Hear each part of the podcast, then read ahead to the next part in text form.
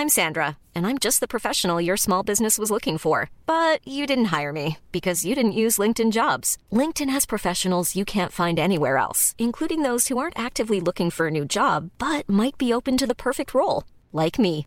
In a given month, over 70% of LinkedIn users don't visit other leading job sites. So if you're not looking on LinkedIn, you'll miss out on great candidates like Sandra. Start hiring professionals like a professional. Post your free job on linkedin.com/people today. Mother's Day is around the corner. Find the perfect gift for the mom in your life with a stunning piece of jewelry from Blue Nile. From timeless pearls to dazzling gemstones, Blue Nile has something she'll adore. Need it fast? Most items can ship overnight. Plus, enjoy guaranteed free shipping and returns. Don't miss our special Mother's Day deals. Save big on the season's most beautiful trends. For a limited time, get up to 50% off by going to BlueNile.com. That's BlueNile.com.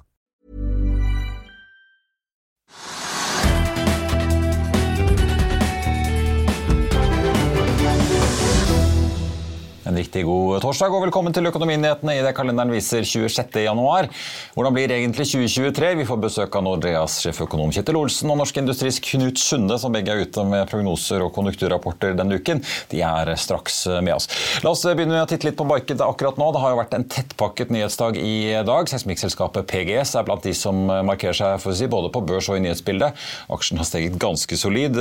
Lå lenge opp en 6% ligger nå opp over 9% på Oslo Børs med en veldig høy omsetning også, rett bak Equinor, med over da 300 millioner kroner i omsetning. Hovedveksten den er opp ja, 0,35% nå, har vært opp en halv prosent på det meste.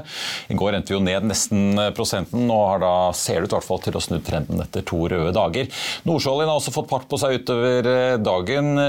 Snuser på 90-tallet, får vi si, men vi er ikke helt der ennå. Spotprisen på et fat nordsjøolje nå 87,30. Den amerikanske lettoljen ligger også får vi si, har ha en liten buffer ned til 80, i hvert fall på 81,30. I går fikk vi jo lagertall fra USA som viste at eh, alle lagrene der bygget seg mindre enn ventet. Og så er det jo selvfølgelig også da spekulasjoner rundt eh, tempoet og åpningstakten i Kina, og hvordan det vil slå ut på etterspørselen av råvarer, som også slår inn selvfølgelig da på oljeprisen. Rundt oss i Europa så er det jevnt over grønt på alle de store børsene i dag, med unntak av i Stockholm, etter at vi så en litt blandet start i Asia på morgenen, nå som da også de kinesiske børsene etter hvert skal begynne å åpne igjen etter kinesisk eh, nyttår. Futures of Wall Street peker mot en oppgang der etter en litt eh, flat slutt i går, der egentlig bare Nasdaq pekte seg ut med et svakt fall på 0,2. Det har kommet en melding fra Arne Fredelig får vi si, og Hunter Group. Han overfører en rekke av sine aksjer og selger seg noe ned i tankrederiet som ikke lenger eier noen tankskip. Aksjene er opp svakt 0,2 i dag. Gjensidige fortsetter sitt fall med nye 0,6% ned etter den ganske sure nedgangen i går da på 5,5 fall i kjølvannet av kvartalsrapporten. En rekke meglerhus har vært ute og kuttet i kursmålene på eh, gjensidige eh, i eh, dag, altså. Og Spekulasjonen om hvordan lakseskatten til slutt vil se ut, ser ikke ut til å være over med det første. og Uttalelser fra Senterpartiet og diverse regjeringsmedlemmer tolkes stadig vekk. de. Carnegie er i dag ute og trekker frem SalMar som den største vinneren hvis regjeringen ender med å lette på lakseskatten i forhold til det som er skissert. Aksjen bykser over 3% i dag, sjømatindeksen opp over 1 For de som husker tilbake for et par uker siden, så hadde vi besøk av Kepler Støvrø, som nå legger inn en skattesats på 25% i sine estimater, og ikke da 40 som regjeringen i hvert fall inntil videre har signalisert. Men nå begynnes det jo å snakke om at man heller sikter seg inn mot hvilket proveny staten skal ha fremfor en fast sats. Nedbemanningene de fortsetter i næringslivet, ser det ut til. Skeidar annonserte jo da nedbemanningsplaner i går. I dag kom den tyske tech-giganten SAP ut med planer om å kutte 3000 ansatte, men vi får si det tilsvarer tilsvarer ikke mer enn rundt 2,5% av arbeidsstokken, mot da et nivå på mellom 5 og 6% på de andre store konsernene som Microsoft, Spotify og Google. SAP uttalte selv i morges at ikke de ser på dette her som et stort kutt og en restrukturering av selskapet, mer enn prioritering og justering av ressursbruken sin. Og de guider også da for en tosifret resultatvekst i 2023. Telia har varslet at de kommer til å kutte 1500 stillinger i konsernet av da rundt 20 000 totalt i år. 1000 av de stillingene skal ut i løpet av første kvartal. Vi vet jo at 70 i hvert fall forsvinner i eh, Norge, selv om den norske virksomheten kan vise til vekst selv etter økende energikostnader. Telia skriver selv at selv om de tar en rekke grep på kostnadssiden, så klarer de ikke fullt ut å kompensere for økte energikostnader, inflasjon og andre pressfaktorer. Og Apropos Telekom, Telia varslet jo for få dager siden da nedskrivninger på 19,8 milliarder svenske kroner som følge av økte renter og kapitalkostnader. I går kom deres amerikanske kollegaer i ATNT etter med sine nedskrivninger av samme art med samme begrunnelse. Da på 25 milliarder dollar, får vi si. Så da blir det jo mildt sagt spennende å se hva Telenor annonserer da neste torsdag i sin kvartalsrapport. Telenor har foreløpig ikke endret noe på sin guiding etter at vi så eh, både får vi si, kraftig inflasjon og økende økende energikostnader. Men vi vet at konsernsjef Sigurd Brekke har sagt at de fikk en ekstraregning på en milliard i fjor. Telias kvartalsrapport i dag viste for øvrig at eh, Telia ville hatt et overskudd på rundt en milliard svenske kroner uten nedskrivningene. Inntektene økte med 3,8% og interessant nok så tør nå Telia igjen å guide for 2023. De endret jo da i fjor høst guidingen hvor de plutselig tok ut energikostnader. Nå er de tilbake i kalkylen, og guidingen er da en lav ensifret inntekts- og resultatvekst for 2023. I tillegg peker det med Markets på at investeringsplanene til Telia er noe lavere enn først ventet. Telia ned 1,3 i dag på Stockholmsbørsen, Telenor opp 0,6. Vi får også ta med Pareto Bank, som tikker opp nærmere 4 etter sin kvartalsrapport. Og Vil du høre mer fra praten om eh, PGS, eller hva vi sa om Tesla-tallene, SEB og andre nyheter, så kan du si, tune inn på Børsmorgen, som du også både kan høre sammen med Økonominyhetene og som podkast ved å søke oss opp på Spotify, Apple Podcast eller ved å gå inn på f1-podkast. 2022 ble kanskje inflasjonen og renteøkningenes år, og i hvert fall et begredelig år for mange nestorer. 2022 ble også et rekordår for omsetningen og eksport i norsk industri. Men eh, hva så med 2023? Blir det rentetoppen og nedbemanningenes år? Velkommen til Kjetil Olsen, sjeføkonom i Nordea Markets og Knut Sunde i Norsk Industri. Begge ute med rapporter og prognoser og tanker om det nye året denne uken. Eh, Knut, kanskje jeg skal begynne med deg som kom eh, i dag med konjunkturrapporten?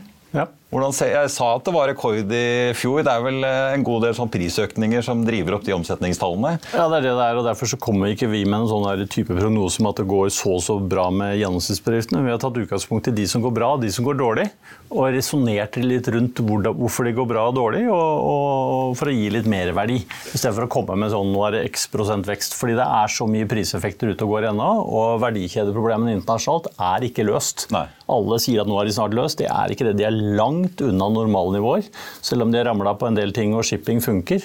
Så, så, så, derfor så er vi i dag ute og, sier liksom det går bra med dem og dårlig med dem, og hvordan skal vi løse opp i dette. Ja, så det, det er ikke så lett å si hvordan, om 2023 blir et uh, år med resesjon eller svak oppgang eller Vi vet det blir bra for alle de som har høye produktpriser, og det er en del bedrifter, ikke så mange. Vi vet det er innmari mye å gjøre i leverandørindustrien til olje og gass. De har jo liksom eh, en tre-fire års ja, Apropos PGS, vi vet jo Aker Solutions og ja. alle sammen har nok å gjøre. Ja. ja. og så er det en del bransjer som av ulike grunner butter litt. Enten pga. internasjonale ting eller pga. ting som skjer i Norge. Og, og det har vi da prøvd å skissere litt rundt. Ja. Eh, vi hadde besøk av Kristian eh, Tunhold, forvalter i Alfred Berg her i morges, som uh, satt og fulgte med på en del altså kvartalsrapporter fra industrien, og pekte bl.a. på Sandvik i Sverige som et eksempel på mange industribedrifter som egentlig sier de ikke merker så mye til noen resesjon og veldig stor tilbakegang. Og så har du en del av disse tech-selskapene som Microsoft som sier at de merker veldig at bedriftene strammer inn på pengebruken og investeringer. Jeg tror både Kjetil og jeg tenkte at liksom nedgangskonjunkturen internasjonalt skulle komme sånn september-oktober i fjor og så bare skylle inn. Og så har det liksom latt vente på seg litt. Så det vi, har, det vi ser på, det er de som selger til konsumentmarkedet. Altså litt sånn eh, stoler og klær og litt sånn. Der ser vi nedgangen. Og det ser vi også i Norge. Da får vi den Skeidar-biten og sånn. Og så ser vi liksom på byggenæringen og alt sånn. Og så ser vi litt på deler av prosessindustrien som leverer litt bulk ute i commodity-markedet. At det går ned. Men ellers så er nedgangskonjunkturene har ikke kommet ordentlig inn ennå. Men det er klart at det kommer jo. Og Spørsmålet er bare om det kommer hardt eller ikke hardt. Det kan Kjetil si mer om. Eh, men at det kommer. er ingen tvil. Jeg bare kort før jeg tar Kjetil, altså, Hvor er det det butter mest? da? Du nevnte de som er altså, forbrukeravhengige ja. industrier. men... Ja. Eh, og så er det litt underleverandører til, til, verdikjeder i Europa som begynner å gå litt i stå. Både på tungindustri og bil og det hele. Men ellers så, så regner vi med at konjunkturene, litt sånn nedgangskonjunkturer kommer til å gradvis skylle inn gjennom 2023. Det, det er liksom de som, de som sliter mest. da. Kjetil, 2023, vi, Det blir jo litt anekdotisk når jeg sitter og leser opp alle disse nyhetene om nedbemanningen, men det virker som det er, det er ikke bare tekstselskapene som nedbemanner. Det virker som det er en god del i varehandelen. Eh, også. Er det, liksom, er, er det tegn på at arbeidsmarkedet nå skal faktisk kjøles ned, som veldig mange sentralbanker har vært opptatt av? Ja, det er jo det de prøver på, da. Jeg vet ikke om alle prøver, men er det det som faktisk skjer, tror du? eller?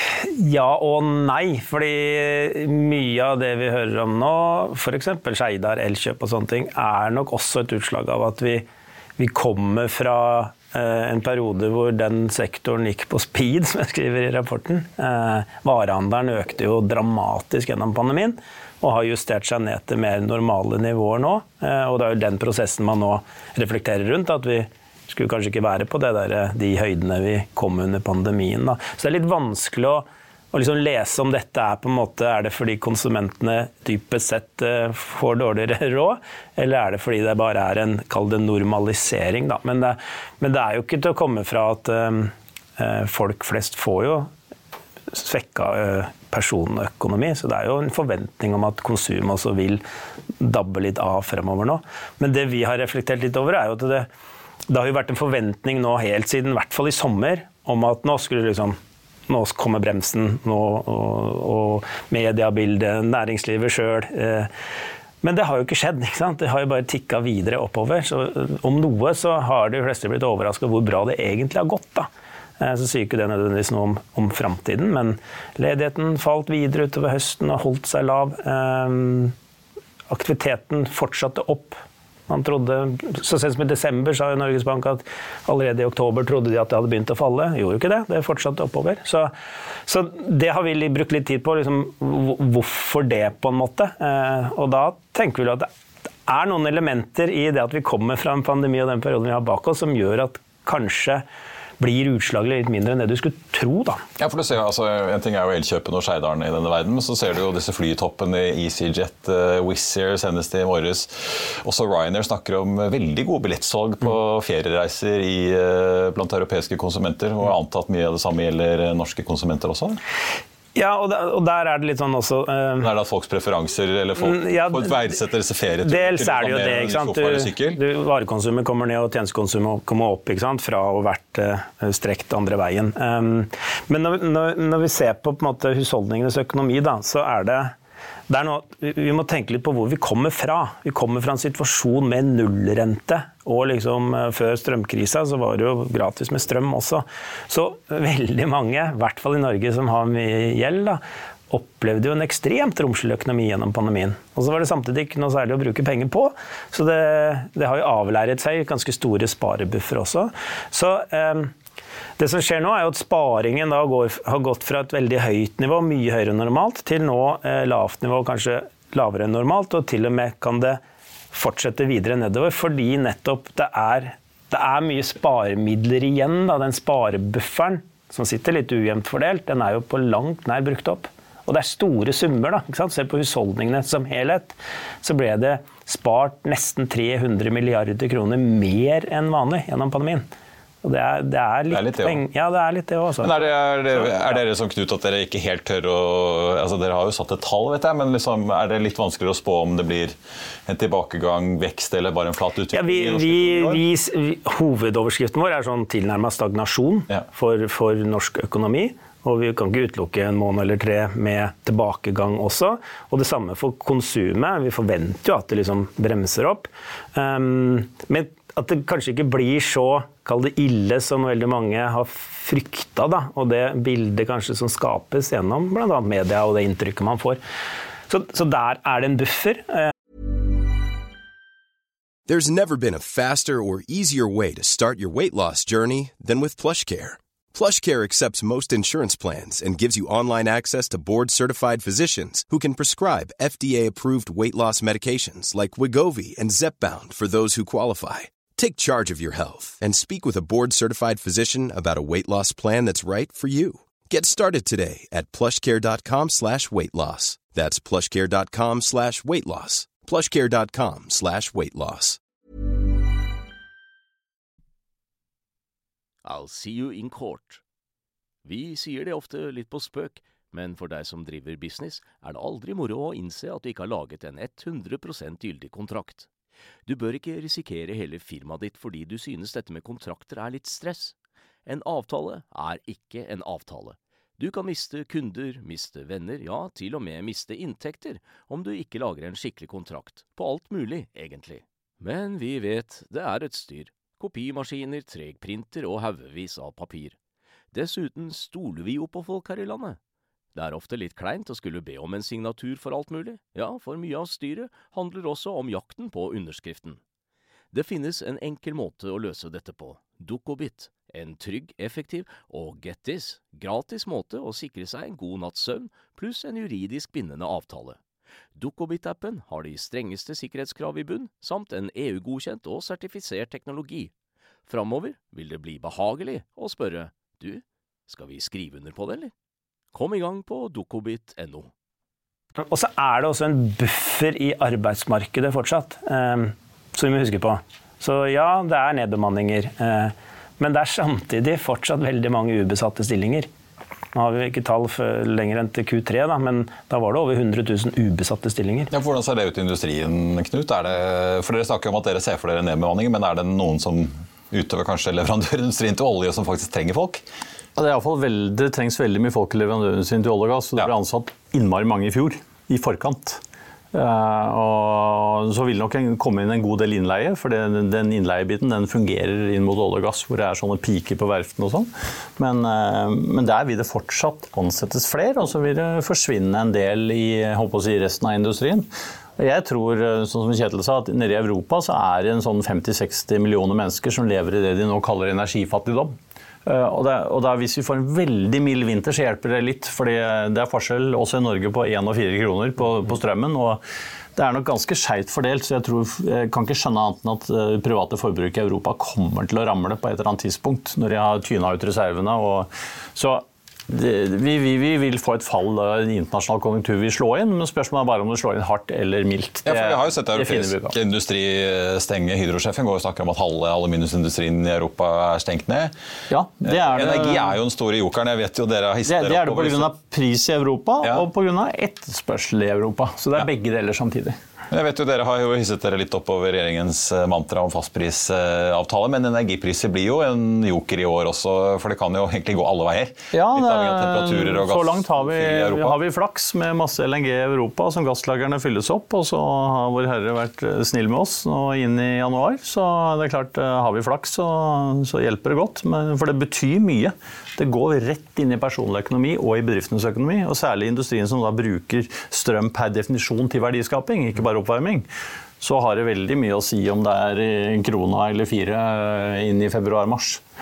Det, det, er forskjellen på å karre seg gjennom dette og gå over ende.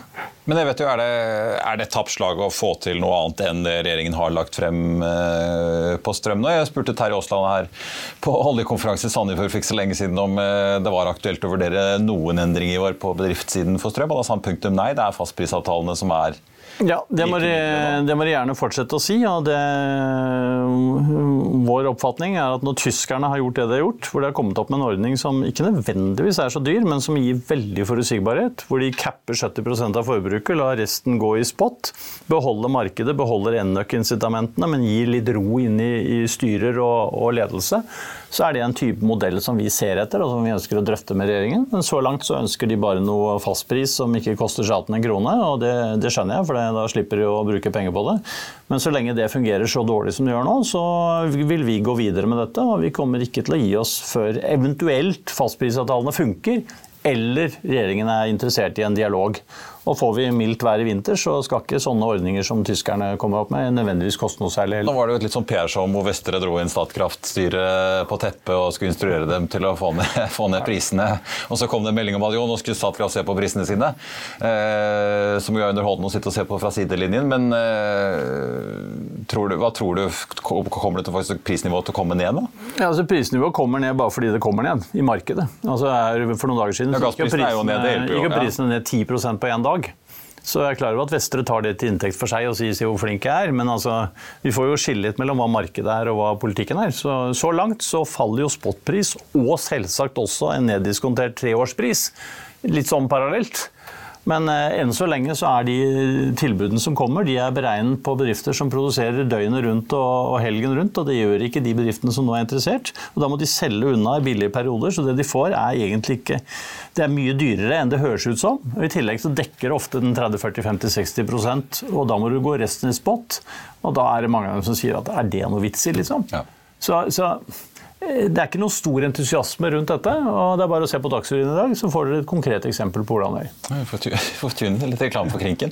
Eh, Kjetil, energi, hvor, altså, hvor stor joker er det i prognosene deres for norsk økonomi? da? Vi vet jo at det svir for hyttekommuner og hytteeiere. Ja, og vi har jo, for norske husholdninger så har vi jo strømstøtteordningen Ja. som fungerer veldig, veldig bra. Um, så, men det hjelper jo klart at strømprisene har kommet ned. eh, Og for næringslivet utover den mest kraftkrevende industrien også, så er det stor forskjell på om det er én krone eller fire kroner. Og nå ser det mer ut som det blir én krone enn fire kroner. I hvert fall mye lavere enn man trodde og frykta for en stund siden. Og det gjør også at vi blir litt mindre, kall det pessimistiske. Altså, det er ikke opplagt at det går så dårlig som folk kanskje frykter. Da. Fordi også strømkrisa ser ikke ut til å bli så ille som Ja, fordi det har en reell påvirkning på sysselsettingsnivået og Det er klart det går jo inn i både kostnader for bedrifter og, og inntekter, eller hva du har igjen og sitter igjen med for husholdningene. Så det er opplagt eh, at det betyr noe. Og lavere strømpriser er, eh, er jo bra for den økonomiske utvikling, skulle man tro. Ja.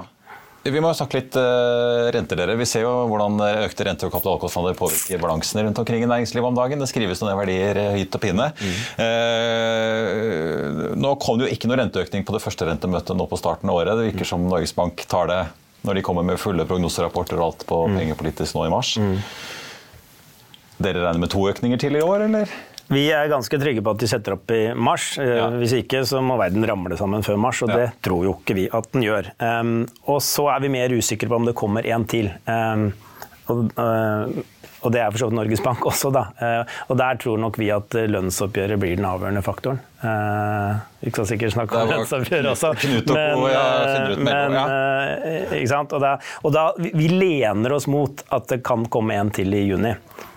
Og som jeg synes var litt interessant, jeg tror at, dette, at det nivået, litt grått sagt, det holder seg mye lenger enn Ja, og det? Vi, er usikre, har ja, vi er usikre på om det kommer eh, to eller bare én økning nå uh, fram til sommeren. Men det vi er mer trygge på, um, i hvert fall i forhold til hva markedet forventer, er at det tar lengre tid før du, rentene kommer ned igjen. Um, og Det har sammenheng også med det synet vi har, bl.a. basert på disse bufferne. Da, at det, er ikke opplagt at arbeidsledigheten stiger så mye som vekstbildet skulle si, nettopp fordi det er så mye ledige stillinger. og det, I desember ble det lagt ut 50 000 nye ledige stillinger, bare sånn på den måneden.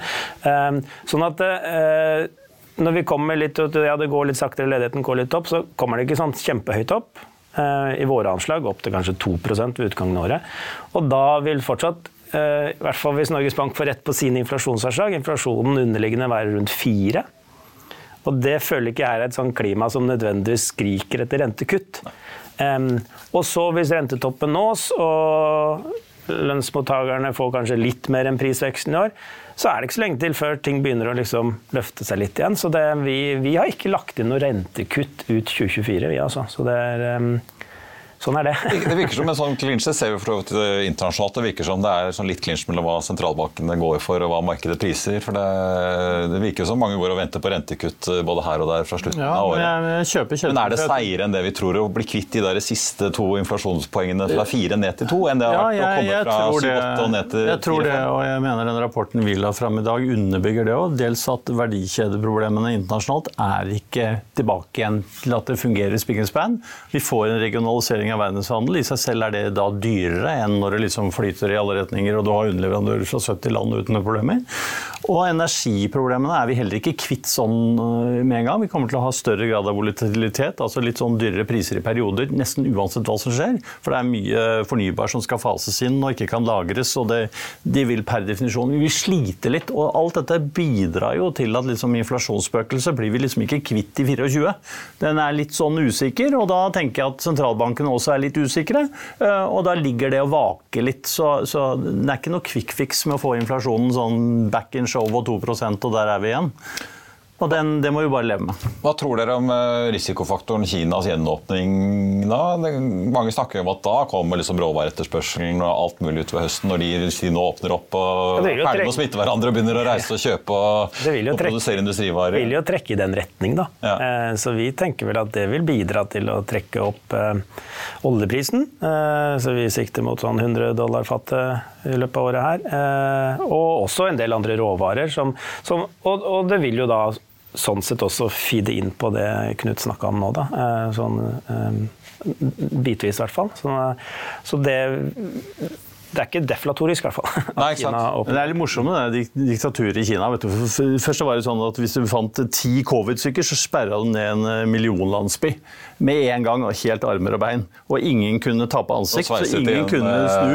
Og så plutselig, når du endrer politikk, så går det 180 grader i den andre retningen. Bare la alt flyte og sier her er det ikke noe covid lenger. og sånn. Og Da er alle sjuke, og da må også sperre ned de samme landsbyene. Så, men nå går det jo litt fortere, for nå bare brenner det av. Mm. Og på et tidspunkt så vil de der borte også, på tross av at de ikke har noe særlig vaksine som funker og statistikken ljuger, og sånn, så vil jo til slutt alle få det. da. Ja. Og da ramler det ned, og da får du de effektene som Kjetil sier. Helt til slutt, eh, Kjetil. En sektor som er viktig ikke bare for eh, NHO, holdt jeg på å si, boligsektoren. Mm. Vi så nyboligsalget falle over 20% i mm. fjor. Det er vel det verste siden finanskrisen. Prisene også på vei ned. Det virker i hvert fall foreløpig som det har falt mer i Sverige. Mye mer. Hva tror dere om boligprisene? For det er jo viktig for banksektoren i Norge ja. og uh, folks uh... Nei, Der også så er det, det, det føyer seg inn i rekken over ting som har gått bedre enn venta. Altså, det har falt mindre enn det man skulle tro, gitt renteøkningene uh, og, og all praten rundt det. Det er vel sesongjustert ned 2,5% kanskje fra toppen. Vi tror nok det skal Eh, litt til ned. Så vi sikter mot sånn 5% til herfra. Eh, stor usikkerhet rundt det. Kan gå mer, kan gå mindre. Eh, du har fått en oppmykning av, av denne, den låneregler som gjør at liksom låneutmålingen i forhold til når renta var 1,5, og nå er den litt over 4, ikke er veldig forskjellig. Fordi du blir testa på 7% rente istedenfor pluss 5. Sånn, så så det også bidrar jo til kanskje å holde boligprisene litt mer opp enn det du skulle tro, da, eh, basert på hva kjøpekraften i boligmarkedet For den faller ganske bra ja. eh, pga. renteøkningene.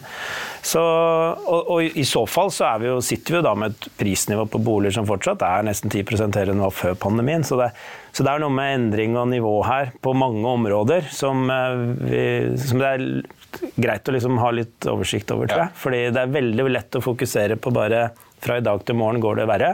Velkommen tilbake. På tampen av sendingen tenkte jeg bare vi skulle ta en kjapp titt på markedet akkurat nå. Hovedindeksen på Oslo Børs opp en halv prosent, så ser det ut til å få en ganske pen avslutning sammen med de aller fleste indeksene rundt oss i Europa. Norske Skog som kom med sine kvartalstall i morgen tidlig, opp nesten 4 i forkant av det. Telia som slapp sine tall tidligere i dag, ned 1,8. Telenor som kommer da neste uke, opp en, halv prosent. Og Gjensidige fortsetter da nedover også etter fallet på hele 5,5 i går, ned 0,6 til i dag. TGS fortsetter å klatre oppover på dagen de da både har kommet med tall og arrangerer kapitalmarkedsdag. Oppnå nesten 11% på Oslo Børs. I Finansavisen i morgen så kan du lese Trygve Egnars leder der han spør om det kan bli ny fest i boligmarkedet. Det blir børsintervju med DNB-forvalter Anders Tandberg Johansen om teknologisektoren. Du kan lese om oppsigelser i Ernst Young og om Visma, som altså har gjort oppkjøp nå for 10 milliarder kroner. Og om Ride, som har gjort elsparkesykler til en overraskende gullgruve. Det var vår sending på